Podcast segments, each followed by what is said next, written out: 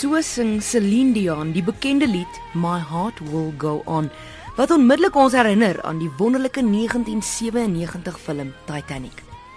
Maar daar is soveel meer aan die ongelooflike verhaal as net Jack en Rose wat aan die voorkant van die skip staan en vlieg.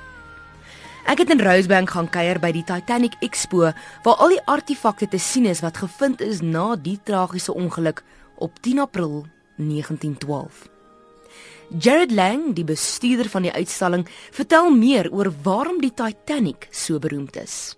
Yes, there were many other ships that sunk, but this was the one that actually said there was unsinkable ship. That they ignored all the warnings and they ignored all the safety rules as if the ship was never going to sink. And that is the reason why it is such a big thing. And the, the main factor is also the, the amount of people that passed away during this ordeal. Out of the 2,228 passengers, only 705 survived. So that was less than a third survived this ordeal.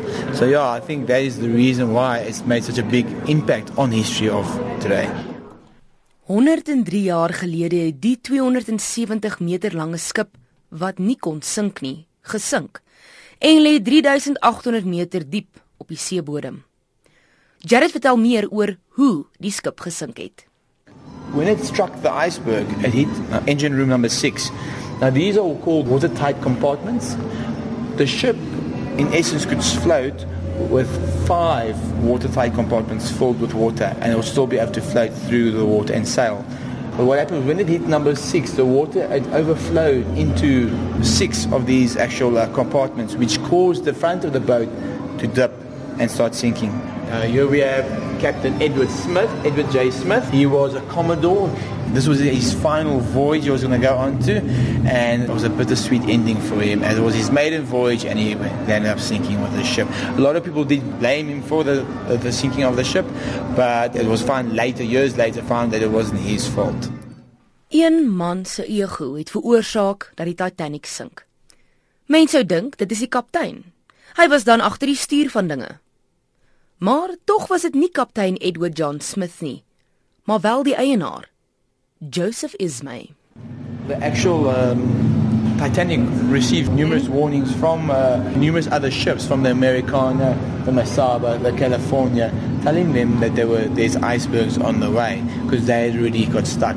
Due to the fact that of Joseph Ismay wanted to break the record of traveling uh, to New York from Southampton uh, to show that the Titanic was such a luxury liner, that he forced Captain Edward Smith to pick up the speed and forget the warnings. Eventually, they actually had turned off the telegrams and the notes, and they were just sending out personal telegrams out to people, not receiving anything out. 2229 passasiers en bemanningslede het vir verskillende redes op die Titanic gereis na Amerika. Passasiers van reg oor die wêreld het duisende dollar betaal om op die luukse skip te reis. Selfs passasiers van Suid-Afrika. Thomas William Solomon Brown, which was a guy from Cape Town, and he was a wealthy hotel owner in Cape Town, and he was going to uproot his family to um, Seattle, where his wife was originally from. And uh, we actually have his pocket watch on display here. He was last seen with his pocket watch on the bow of the ship while the ship was sinking, uh, and he put his wife and his daughter on the lifeboat, and he had waited for the next lifeboat to come.